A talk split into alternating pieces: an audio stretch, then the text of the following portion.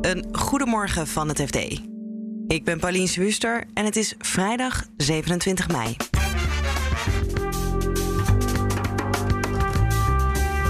De oorlog in Oekraïne is zo'n drie maanden oud en sinds die tijd gelden er allerlei sancties. We kunnen niet militair optreden, weet je wat, dan doen we sancties. En toch hebben de sancties ook zichtbare effecten. Bijvoorbeeld bedrijven die vertrekken uit Rusland. Ik kan er heel goed buiten. Ik weet niet hoe vaak jij bij McDonald's komt of bij Starbucks. Ondertussen proberen we ook de oligarchen te raken, hun boten af te pakken, hun tegoeden te bevriezen, vastgoed opsporen. Sterker nog, we hebben daar zelfs een apart eh, soort onderminister voor benoemd. Stef Blok is dat natuurlijk, die de taak had om als sanctiecoördinator de boel vlot te trekken. Als ik het zo lees, is het vooral heel handig dat Stef er was om het te stroomlijnen qua communicatie. Dit is de dagkoers van het FD. Je hoorde het al, vandaag staat de dagkoers in het teken van de sancties tegen Rusland. Sinds de inval in Oekraïne gaat het constant over hoe hard we Poetin aanpakken. Wel of geen olieboycott, gasboycott, waar hebben die oligarchen hun geld verstopt en wat voor rol spelen de trustkantoren nou?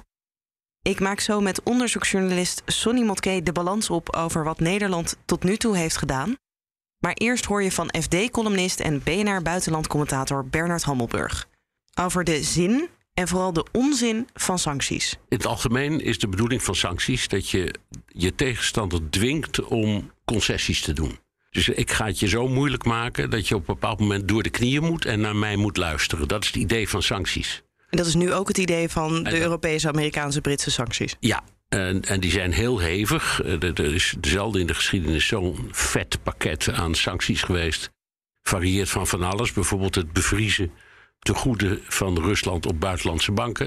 Het complete parlement en allerlei houten methoden mogen niet meer reizen. Ja. Uh, nou, we hebben dan de jacht op al die rijkdom van uh, oligarchen. Wat we allemaal volgen. Sterker nog, we hebben daar zelfs een apart uh, soort onderminister voor benoemd, hè, Stef Blok. Alleen ja. maar om dat uit te voeren. Inmiddels ook alweer weg. Nou, inmiddels ook alweer weg. Maar ja. dat, dat is dus het, het idee. Je tegenstander raakt niet met militaire middelen, maar met andere middelen. En wie is dan de tegenstander? Is dat dan Rusland? Is dat Poetin? De kring rondom Poetin? Is dat de bevolking van Rusland? Ja, nou, dat, dat een uitstekende vraag. Um, in het algemeen, als sancties werken, dan is het meestal wel de bevolking die in de eerste plaats leidt. Omdat de leiders, welk land het ook is, ook Rusland, echt niet bang hoeven te zijn dat ze er een boterham minder door eten, zal ik maar zeggen. Uh, naar verluid is uh, Poetin multimiljardair uh, en de coterie rondom hem heen ook. Ja. Um, die zijn volgens mij redelijk onkwetsbaar. Wat betreft de bevolking is ook maar de vraag of dit iets uithaalt. Wat hebben die mensen tenslotte voor last van bevoren uh, regeringstegoeden? Of ja. als je in Omsk woont en een normaal leven leidt, heb je er eigenlijk niet zoveel last van. Maar er gaat natuurlijk wel de McDonald's gaat weg, de Starbucks gaat weg. Ja, maar de, de meeste mensen in de wereld, ook ja. in uh, Rusland, die, die, die komen niet zo vaak bij Starbucks en McDonald's. Ja, ik was destijds in Moskou toen de eerste McDonald's werd geopend. Dat was inderdaad ongelooflijk. Daar stonden, ik, ik denk wel duizend mensen in de ijskou in de rij met gelukkige gezichten. Ja. Dat ze zo'n zo'n zo'n lapje vlees konden, konden bestellen. Uh, ja, dat is nu weg. Uh, nou ja, dan, dan maar niet. Je kan er heel goed buiten. Ik weet niet hoe vaak jij bij McDonald's komt of bij Starbucks. Uh, ja, maar ik denk, eens in de zoveel tijd. Eens in de zoveel tijd zou jij je dus geboycott voelen als dat even niet meer kon. Moeten we dan zeggen dat sancties überhaupt niet werken? Er zijn onderzoeken naar gedaan. Um, en de, de, de, de meeste resultaten van die onderzoeken die zeggen in ongeveer 30% van de gevallen werkt het wel en in ongeveer 70% van de gevallen doet het helemaal niks. De vraag is alleen hoe je werken definieert. Ja. Als je zegt, uh, valt nou zo'n regime om, mm-hmm. dan werkt het volgens mij bijna nooit. Het meest absurde vo- voorbeeld, of duidelijke voorbeeld, is misschien Cuba. Ja. Amerika heeft al een, een boycott tegen Cuba sinds 1953. De bedoeling was dat daar de regering zou verdwijnen en een ander regime zou komen. Nou, dat is gewoon nooit gebeurd. Iran is ook zo'n voorbeeld. Dat wordt door behoorlijk sterke sancties getroffen.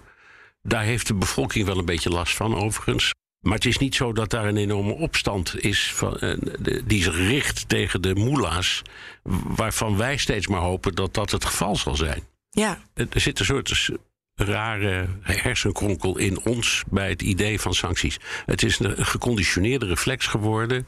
We kunnen niet militair optreden, weet je wat, dat doen we sancties. Nou, daar hebben ze vast last van. Een soort vervanging van de oorlog ja, eigenlijk. Ja, maar, maar economisch is het wel degelijk een probleem. De economieën van die landen lijden enorm. Maar voor de, de gewone burger maakt het niet zoveel uit. En je zou willen dat die in opstand komt en eh, weet ik wat, Poetin afzet of zo. Nou, daar is geen schijn van kans op. Ja. Er zijn wel heel veel mensen, nou ja, zoals je zei, we hadden een onderminister benoemd, allerlei ambtenaren opsporen. Iedereen is bezig met die sancties en dat goed uh, uitwerken. Zeg je dan, stop daar maar mee? Het heeft toch geen zin? Nou, dat weet ik niet, omdat uh, er, er zijn ook andere factoren die een rol spelen. Dat is bijvoorbeeld je eigen gevoel voor rechtvaardigheid als democratie bijvoorbeeld. Je zegt, ik, ik kan niet zoveel, maar ik wil wel iets doen. En ik ben de laatste om dat dan niet te doen. Dus in die zin moet je het ook wel bekijken, vind ik. Uh, en als je met elkaar afspreekt dat je een poging doet om geld te vinden van oligarchen. En misschien dat te onteigenen, wat volgens mij juridisch nog een hele klus is. Maar goed, laat dat nou eens gebeuren.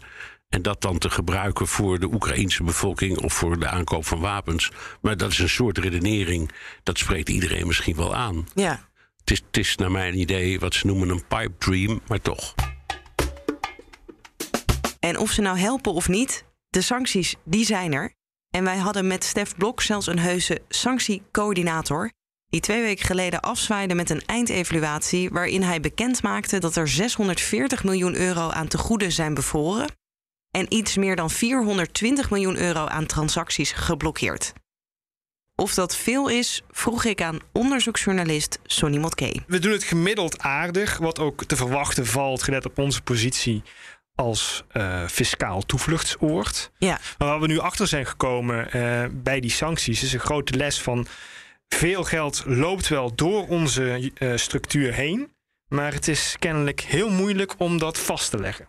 Ja. We zijn een soort doorlopende pijp waar, gel waar, waar, waar, geld doorheen glijdt, maar wij kunnen het niet vastzetten. We ja. kunnen ook uit de dienstverlening een beetje bemoeilijken.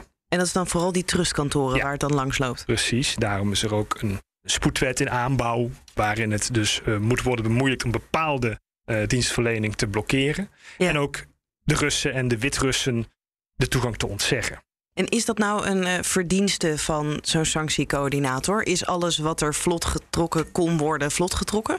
Als ik het zo lees, is het vooral heel handig dat Stef er was om het te stroomlijnen qua communicatie. Ik denk niet dat de mensen totaal incapabel zijn. Uiteindelijk komt het erop neer dat mensen binnen de overheid of die daarvoor verantwoordelijk zijn hun werk doen en daar kennis en kunde zit. Ja. Ik denk niet dat Stef Blok gestudeerd heeft om sanctiedeskundige te zijn.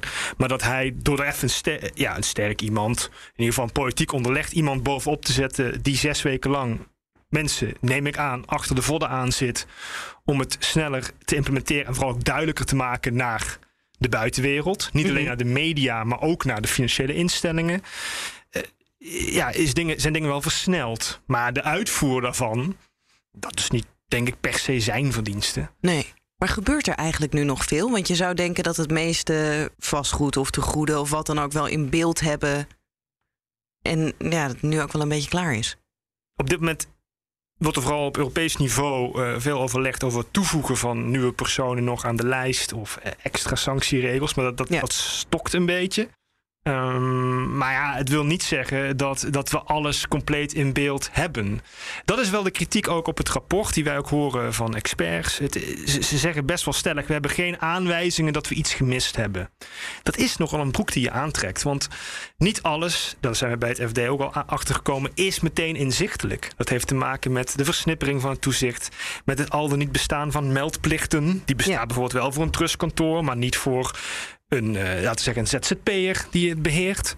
Dus, dus je ziet niet alles. En er zijn dus ook nog altijd ontsnappingsroutes mogelijk. Waardoor een slimme Rus, Belarus of wie dan ook uh, ergens onderuit kan komen. Ja, dus het kan zijn dat er ergens pandjes zijn waar we niet van weten. Of bedrijven waar nog uh, te goede zitten. Laat ik eens politiek zijn, ik sluit het niet uit. Maar nee. het is nog niet, we hebben nog geen aanwijzing dat er iets gemist is. Maar ik sluit het, ik sluit het, ik zou zeggen, ik sluit het niet uit. Welke haken en ogen zie jij nog? Wat, wat is het grootste belemmering op dit moment in Nederland? Het grootste probleem, wat je kunt zeggen, de afdronk is, ook van die rapportage, is: een sanctiewet bestaat al sinds eind jaren 70. Maar er heeft nooit echt iemand echt urgentie voor gevoeld om er echt beleid op te maken en naar de loopholes te kijken die erin zitten. En dat zijn er dus nogal wat. En wat er nu is gebeurd door die oorlog, komt het topic sanctie op tafel. Iedereen valt eroverheen. Het is, genereert aandacht.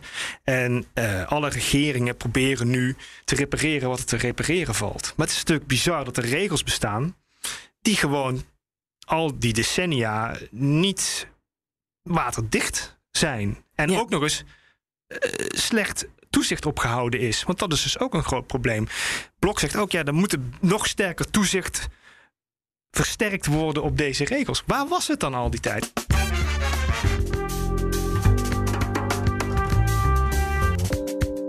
Dit was de dagkoers van het FD.